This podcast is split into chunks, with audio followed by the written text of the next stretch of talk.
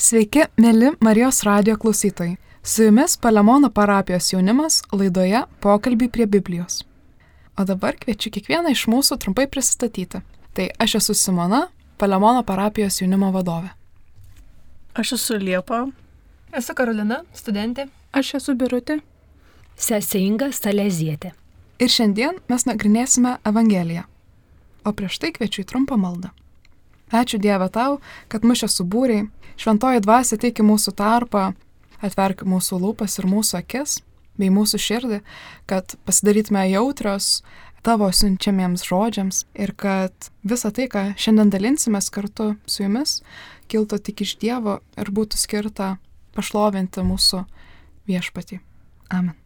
Dabar kviečiame pasiklausyti Evangeliją. Evangelija pagal Joną. Taigi jis užsuko į Samarijos miestą, vadinamą Sicharu, netoli nuo lauko, kurį Jokūbas buvo davęs savo sūnui Juozapui. Tenai buvo Jokūbo šulinys. Nuvargęs iš kelionės, Jėzus prisėdo palei šulinį. Buvo apie šeštą valandą. Viena samarietė moteris atėjo semtis vandens. Jėzus ją paprašė, duok man gerti. Tuo tarpu mokiniai buvo nuėję į miestą nusipirkti maisto. Samarietė atsakė, kaipgi tu, būdamas žydas, prašai mane, samarietę gerti. Mat žydai nebendrauja su samariečiais. Jėzus jai tarė, jei tu pažintum Dievo dovaną ir kas yra tas, kuris tave prašo, duok man gerti, rasi, pati būtum jį prašiusi ir jis tau būtų gyvojo vandens davęs. Moteris atsiliepė, viešpatė, bet juk tu neturi kuo pasemti, o šulinys gilus. Iš kur tu imsi gyvojo vandens? Argi tu didesnis už mūsų tėvą Jokūbą, kuris tą šulinį mums paliko ir pats iš jo gėrė, ir jo vaikai, ir gyvuliai? Jėzus atsakė, kiekvienas, kas geria šitą vandenį ir vėl trokš, o kas gers vandenį, kurį aš duosiu, tas nebetrokš per amžius, ir vanduo, kurį jam duosiu, taps jame versme vandens, trykštančio į amžiną į gyvenimą. Tuomet moteris sušuko, viešpatė, duok man to vandens, kad aš nebetrokščiau ir nebevaikščiočiau semti šionai. Jėzus atsiliepė, eik, pakvies savo vyrą ir sugrįžk čia. Moteris atsakė, aš neturiu vyro. Jėzus jai tarė, gerai pasakėjai, neturiu vyro, nes jau esi turėjusi penkis vyrus ir dabartinis anaip tol ne tavo vyras. Čia tu tiesą pasakėjai. Moteris atsiliepė, aš matau viešpatė, jog esi pranašas. Mūsų tėvai garbindavo Dievą ant šito kalno, o jūs tvirtinate, kad Jeruzalė esanti vieta, kur reikia jį garbinti. Jėzus atsakė, Moterie, tikėk manimi, jog ateis valanda, kada garbinsite tėvą, ne ant šio kalno ir ne Jeruzalėje. Jūs garbinate, ko nepažįstate, o mes garbiname, ką pažįstame, nes išganimas ateina iš žydų. Bet ateis valanda, jau dabar ji yra, kai tikrieji garbintojai šlovins tėvą dvasia ir tiesa. Ir pats tėvas tokių garbintojų ieško. Dievas yra dvasia ir jo garbintojai turi šlovinti jį dvasia ir tiesa. Moteris jam sako, aš žinau, jog netrukus ateis Mesijas, tai yra Kristus. Atėjęs jis mums viską paskelbs. Jėzus įtarė, tai aš, kuris su tavimi kalbu. Tuo metu sugrįžo jo mokiniai ir nusistebėjo, jog jis šnekučiuojasi su moterimi. Vis dėlto ne vienas nepaklausė, ko iš jos nori, arba apie ką su ją kalbi. O moteris, palikusi asoti, nubėgo į miestą ir apskelbė žmonėms. Eikite pažiūrėti žmogaus, kuris pasakė man viską, ką esu padariusi. Ar tik jis nebus mesijas? Ir žmonės iš miesto ėjo pas jį. Tuo tarpu mokiniai ėmė raginti. Rabi, pasistiprink, o jis atsiliepė. Aš turiu valgyti maisto, kurio jūs nežinote. Tada mokiniai pradėjo vienas kitą klausinėti. Nejaugi kas atnešė jam valgyti. Bet Jėzus tarė. Mano maistas vykdyti valią to, kuris mane siuntė, ir baigti jo darbą. Argi jūs nesakote, dar keturi mėnesiai ir ateis pjūtis. Štai sakau jums, pakelkite akis ir pažiūrėkite į laukus. Jie jau baluoja ir prinokia pjūčiai. Jau pjovėjas uždarbį gauna ir renkasi vaisių amžinajam gyvenimui, kad lygiai džiaugtųsi sėjėjas ir pjovėjas. Teisingai priežodis sako, vienas pasėja, kitas nupjauna. Aš pasiunčiau jūs nuimti derliaus, į kurį jūs neįdėjote darbą. Kiti pasidarbavo, o jūs įstojote į jų darbą. Daug samariečių šano miestui tikėjo Jėzų dėl moters liudymo. Jis man pasakė viską, ką esu padariusi. Atėję samariečiai prašė jį pasilikti pas juos ir jis pasiliko ten dvi dienas. Dar daug žmonių įtikėjo dėl jo pamokslų, o moteriai jie pasakė, dabar mes tikime ne dėl tavo šnekos. Mes patys išgirdome ir žinome, kad jis iš tiesų yra pasaulio išganytojas. Taigi šiandienos Evangelija yra kupina daug simbolių ir kartu turtinga. Ypatingame laike liturginėme mes ją skaitome, švenčiame gavėnios laikotarpio trečiąjį sekmadienį. Nuo šio gavėnio sekmadienio pradedam apmastyti Evangelijos pagal Joną tekstus, per kuriuos bažnyčia kviečia mus atnaujinti savo tikėjimą. Iš kitų Evangelijų ši Evangelija įsiskiria tuo, kad evangelistui Jonui yra labai svarbu pateikti ne vien įvykio pasakojimą, bet dar svarbiau atskleisti Jėzaus slėpinį ir tai, kas jis mums yra. Šio sekmadienio Evangelijos pasakojimo centre yra susitikimas tarp Jėzaus ir Samarietės. Ir taip pat svarbus atsivertimas kaip susitikimo pasiekmė. Susitikimas tarp Jėzaus ir Samarietės yra kupinas įvairių temų, kurios niekada nebus iki galo išsemtos. Todėl ir mes šiandien pasidalinsime tik keliomis išvalgomis iš šio Dievo žodžio. Viena iš svarbiausių temų, kuri yra šioje Evangelijos ištraukoje gvildenama, aptariama, tai būtent gyvojo vandens tema. Ir tai bažnyčios liturgijoje gavėnios laikotarpiu yra parinkta neatsitiktinai, kadangi gavėnios laikotarpio tikslas ir yra padėti krikščionims pasiruošti krikšto pažadų atnaujinimui, kurie jį atliks Velyknakčio liturgijos metu. Taip pat šis susitikimas turi labai tikslų laiką ir vietą. Irgi tai yra svarbu, kadangi ta vieta ir laikas irgi nurodo tam tikras detalės, dėl kurių yra svarbus tas susitikimas. Taigi, kaip vieta, pirmiausia yra Samarija. Kasgi yra ta Samarija, kuo jį ypatinga kaip vietovė? Tai vidurinė Palestinos rytis, jos gyventojai buvo žydų ir kolonistų asirų mišinys ir todėl tikrųjų žydų laikomi pusiau pagonimis, niekinami. Jie buvo turėję savo šventiklą ant Garizimo kalnų. Ja nugriovė judėjos karalius Jonas ir Kanas 129 metais prieš Kristų. Skaitome toliau Evangelijoje, kad susitikimas įvyksta būtent Samarijos konkrečiame mieste. Ir tas miestas yra Sicharas. Jis yra netoli nuo lauko, kurį Jokūbas buvo davęs savo sūnų Juozapui, kur buvo Jokūbo šulinys. O valanda, kada įvyksta tas susitikimas, buvo maždaug šešta, taigi pusiaudienis. Ir ta valanda irgi yra parinkta neatsitiktinai, nes ši valanda tai buvo valanda, kurios metu mažiausiai būdavo žmonių laukia, nes labai karšta tuo metu. Ir kadangi Samarietė gyveno tokį gyvenimo būdą, dėl kurio gėdijosi, tai būtent eina pasiemti vandens tuo metu, kai gali sutikti kuo mažiau žmonių. Taigi, Samarijos miestas Sicharas Senojo testamento biblinėje tradicijoje yra vadinamas Sichemu. Patriarkų laikais jame buvo religinis kultas. Po Kanano užkariavimo Sichemas tampa suvienytų Izraelio genčių svarbiausia religinio kulto vieta. Po Saliamono karalystės suskilimo šis miestas tampa šiaurinės karalystės sostinė, nes Samarija tapo šios karalystės dalimi. Po šiaurinės karalystės žlugimo 722 metais prieš Kristų daugelis gyventojų buvo deportuoti į Asiriją. Jų vietą sirai apgyvendino penkias pagoniškas tautas, kurios susimaišė su vietiniais gyventojais. Tuo būdu Jahvės kultas buvo sumaišytas su penkių pagoniškų dievybių kultu. Po Babilonijos nelaisvės Samarijos gyventojai norėjo prisidėti prie Jeruzalės šventiklos atstatymo judėjoje. Vis dėlto judėjų buvo atmesti kaip nešvarūs. To pasiekoje įvyksta šizma.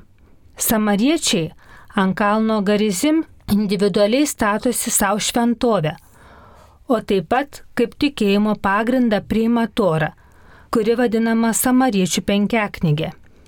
Istorijos eigoje išauga didelė neapykanta tarp žydų ir samariečių. Šventasis Jonas sieja Jėzaus asmenį su išrinktosios tautos didžiaisiais patriarchais. Evangelistas pabrėžia, kad Jėzus keliauja šalia lauko, kurį Jokūbas davė savo sūnui Juozapui. Jozuės knygoje aprašyta, kad Juozapas buvo palaidotas šioje vietoje. Juozapo kaulai Izraelitų parnešti iš Egipto buvo palaidoti Sicheme, toje dalyje lauko, kurį Jokūbas buvo nupirkęs iš Sichemo tėvo Hamoro vaikų už šimtą sidabro kesitų. Jis buvo tapęs Juozapo palikonių paveldų. Tuo būdu šventasis Jonas sieja Jėzaus asmenį su išrinktosios tautos didžiaisiais patriarchais. Taip pat dar viena labai svarbi detalė teksto pradžioje, kalbant apie vietą, kur vyksta susitikimas, būtent yra šulinys. Taigi, šulinys yra kaip toros įstatymo simbolis. Origenas savo komentare rašo apie šventų raštų šulinį, prie kurio žmogus privalo ateiti kasdieną, kad galėtų semtis dvasios vandenį ir atnešti pilną sotį į savo namus. Taigi evangelistas pabrėžia, kad Jėzus kelionės nuvargintas atsisėda prie šulinio. Taip pat šešta valanda, pusiaudienis, vėlesnėme Evangelijos kontekste, tą valandą Jėzus buvo apklausęs Poncijos piloto ir tribunolė jam buvo paskirta mirties bausmė.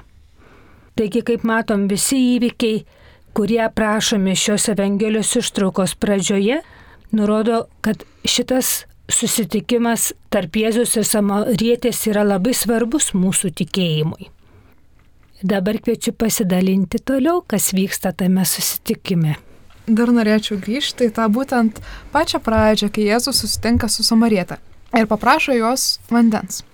Bet ji taip labai griežtai atsisako, nes, kaip žinom, žydai turėjo nelabai draugiškus santykius su samariečiais.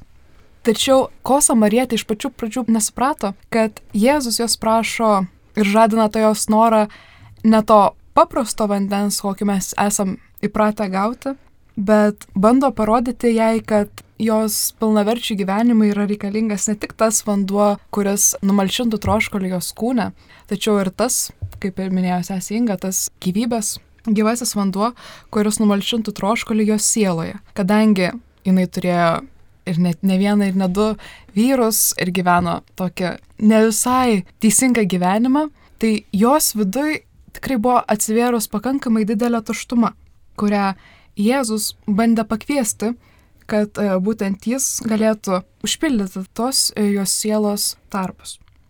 Matome, kad iš pat pradžių samarietė tų Jėzų žodžių ne visiškai supranta, gal jie kiek net atžagariai kalba su Jėzumi, pašaipiai, nes atsikirtinėja tai pakankamai sarkastiškai, kad Jėzus neturi pakankamo kibiro, kad pasemti šulinio, kad šulinys yra per gilus ir įstato tą Jėzus kvietimą į tam tikrus žemiškus rėmus ir taisyklės, pagal kurias jinai, nu, iki tol gyveno ir taip viską labai aiškiai matė.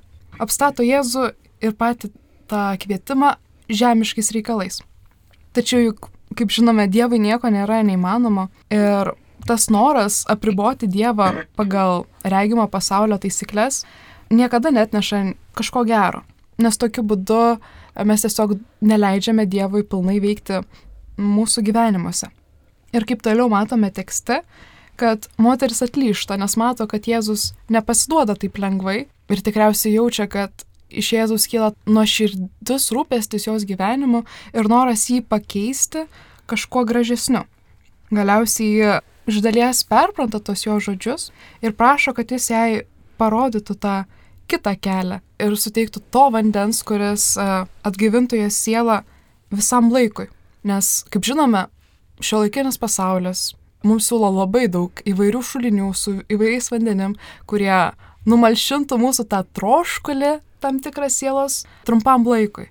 Žmonės šiais laikais labai mėgsta susikoncentruoti ties tiek karjerą, įvairiais piniginiais reikalais, galbūt dar susirasti kažkokių žemiškų veiksnių, kurie tam kartui suteikia mums kažkokį pilnatvės jausmą, bet jie labai greitai dinksta ir galiausiai vis tiek mes liekame vieni. Tačiau tik Dievas gali atverti mums tą versmę ir suteikti to vandens, kuris kuo mes toliau eisim, nemažėtų, bet tik tais e, didėtų ir parodytų tą kelią link pačią Dievą ir vestų mus į išganimą. Taigi aš norėčiau pakalbėti apie tą dalį, kaip Jėzus sako moteriai, jog jį pakviesų savo vyrą, o moteris atsako, kad neturi tokio. O Jėzus atsako tuo, kad gerai, jog ji tai pasakė, kad ji neturi vyro, nes ji yra turėjus penkis vyrus ir dabartinis anaip tol nėra jos vyras. Kartais mes gyvenime nesuprantame, kad turime žmonės ir manome, kad juos pažįstame. Ir juos vertiname, nors iš tikrųjų taip nėra. Mes juos pažįstame tiesioginė to žodžio prasme, o ne su savo širdimi. Mes nežinome, kas jiems iš tikrųjų patinka, kas jiems nepatinka. Kartais mes ir net nesuvokiame, kad dėl savo santykių reikia stengtis pažinti vienas kitą. Jėzus pasakė, Dievas yra dvasia ir jo garbintojai turi šlovinti jį dvasia ir tiesa. Žmonės turėdami atlikti kažkokį dalyką, kurio nelabai nori daryti, vis suranda priežasčių, kaip ir kodėl negali to darbo padaryti. Tai jiems netiks laikas, tai jiems netiks vieta ar dar kažkas bus ne taip. Bet kaip žmogus iš tikrųjų norės padaryti jam patinkantį darbą, jis suras tam ir laiką, ir vietą, ir viską, ko tik tais reikės. Todėl ir Jėzus pasakė, kad Dievo garbintojai turi jį išlovinti dvasia ir tiesa. Tuo ir buvo norma pasakyti, kad Dievą galima šlovinti kur ir kada tik tais nori. Svarbiausia, kad tai būtų tiesa iš tavo širdies. Žmonės dažniausiai visko prašo ir prašo iš Dievo, kad jiems padėtų. Užtat ir žmonės nebūna tokie tyrus, nes jie gal ir neturi tikėjimo į Dievą, bet kad tik tais gautų, ką nori, gali apsimesti prašo Dievo, kad tik tais padėtų, prižada daug dalykų, o paskui viską pamiršta ir net nepadėkoja. Ah, iš tikrųjų, kai paskaičiau šitą tekstą, vis tiek ta moteris, kuri yra centre, šalia Jėzaus, jinai yra labai įdomus veikėjas.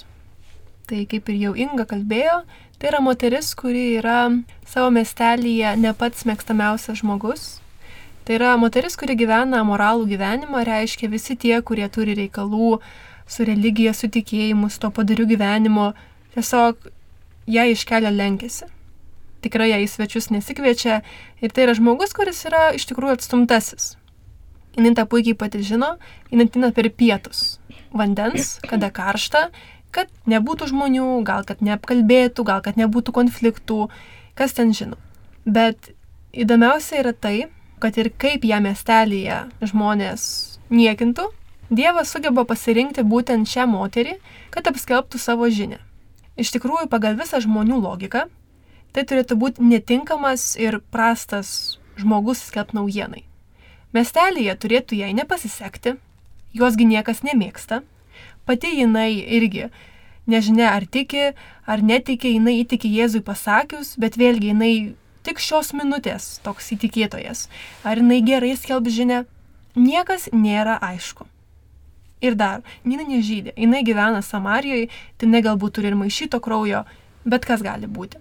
Žodžiu, skelbti Dievo žinę, jinai labai toks keistas pasirinkimas.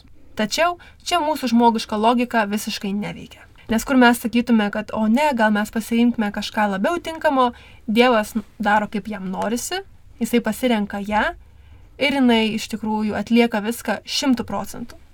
Jinai meta sotį, bėga į miestą, kurio žmonės jos net nemėgsta, kalba vyrams, vyrams, kurie buvo žydai, moters žodis, moters liudijimas yra niekas. Jie turėjo iš jos pasijuokti ir ją pasiūs toliau vandens.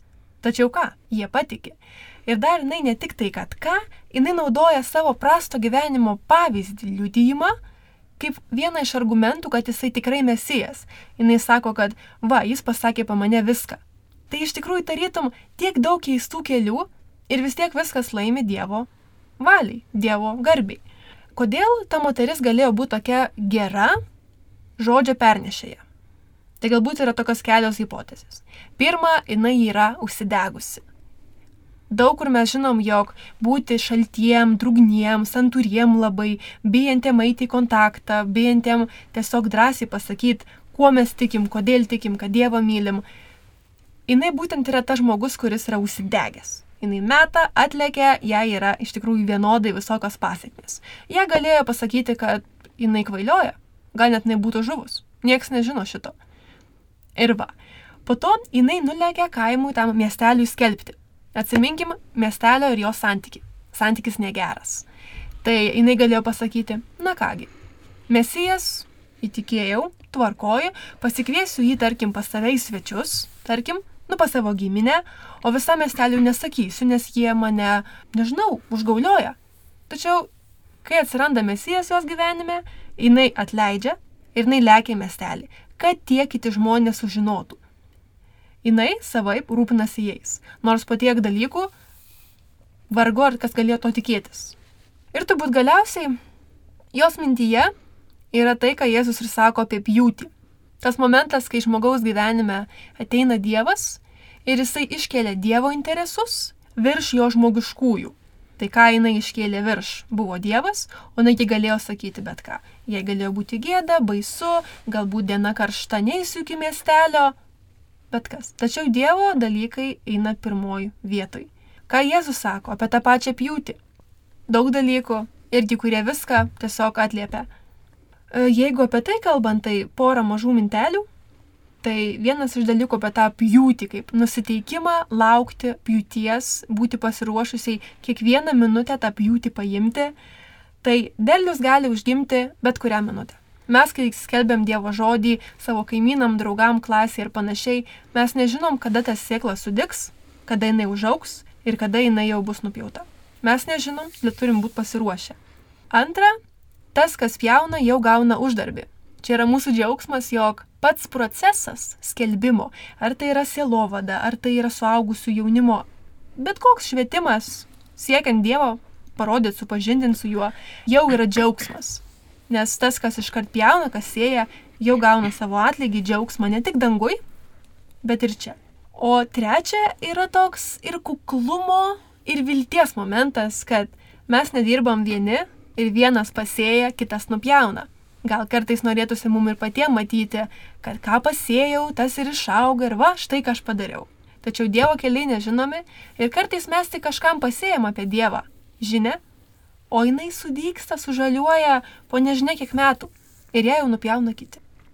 Taigi, Samarietė suteikė nustabią galimybę kiekvienam žmogui įsitikinti pačiam, ar būtent Jėzus yra jų lauktasis mesijas. Savo liūdimu jį neužgožė Jėzaus, bet nuolankė savo išgyvenimą kviesdama ir kitus asmeniškai pažinti Jėzų. Taip pat ir mes galime susitapatinti su Samarietė ir liūdėti, nes taip galime kitus supažindyti su Jėzumi ir jo besąlygišką meilę mums bei jo pamokymais. Kai samariečiai susitiko su Jėzumi, prašė jo dar dvi dienas pasilikti su jais. Tai rodo, kad tarp jų tvyrojo Dievo laukimo atmosfera. Kadangi samariečiai kentė nuolatinį žydų paniekinimą, jų širdis kur kas labiau laukė mesijo ir buvo pasiruošusios jį priimti. Jų tikėjimas virto autentišku patyrimu. Taigi, matome, kad visas tas susitikimas tarp Jėzus ir Samarietės veda į gyvenimo būdo pakeitimą. Ir atsivertimas ir yra tikslas gavėnios laikotarpio, kad mes savo širdyje leistume Dievo maloniai išvalyti tas vietas, kurios trukdo jį įsileisti, kurios trukdo jį priimti, su juo gyventi ir vykdyti jo valią. Ir įdomus dalykas tai, kad Jėzus prašo gerti, duok man gerti. Šiandien Jėzus ateina pas kiekvieną iš mūsų ir sako, duok man gerti, duok savo silpnumus, duok savo troškulius, man jų reikia ir man šitas jo duok man gerti primena ir jo kančią ant kryžiaus, kai jis prieš pat mirdamas irgi sako kitais žodžiais - trokštų. Trokštų tavęs, trokštų tavo meilės, ar ne? Trokštų viso to, kas tu esi. Šiandienos mūsų pasidalinimą norime užbaigti maldą. Norime pakviesti jūs bendrai maldai.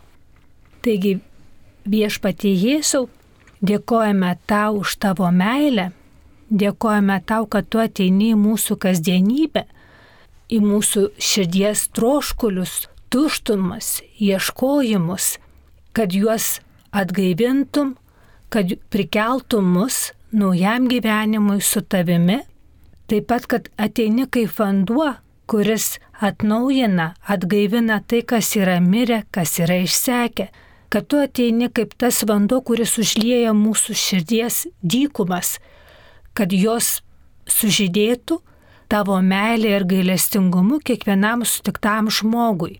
Dėkojam tau viešpati už Krikšto sakramento malonę ir melžiame padėk mums atsiversti ir pasiruošti Krikšto pažadų atnaujinimui ir piktosios dvasios atsižadėjimui bendruomenės akivaizdoje, kurį ištarsime Velyknakčio metu. Viešpatė laimink mus, mūsų aplinkas, pasaulio situacijas ir ypač melčiam taikos Ukrainai, jo žmonėm, kad šitas laikas irgi būtų atsivertimo laikas. Per Kristų mūsų viešpati. Amen. Amen. Garbė Dievui, Tėvui ir Sūnui ir Šventai Dvasiai, kai buvo pradžioje, dabar ir visada ir per amžius. Amen.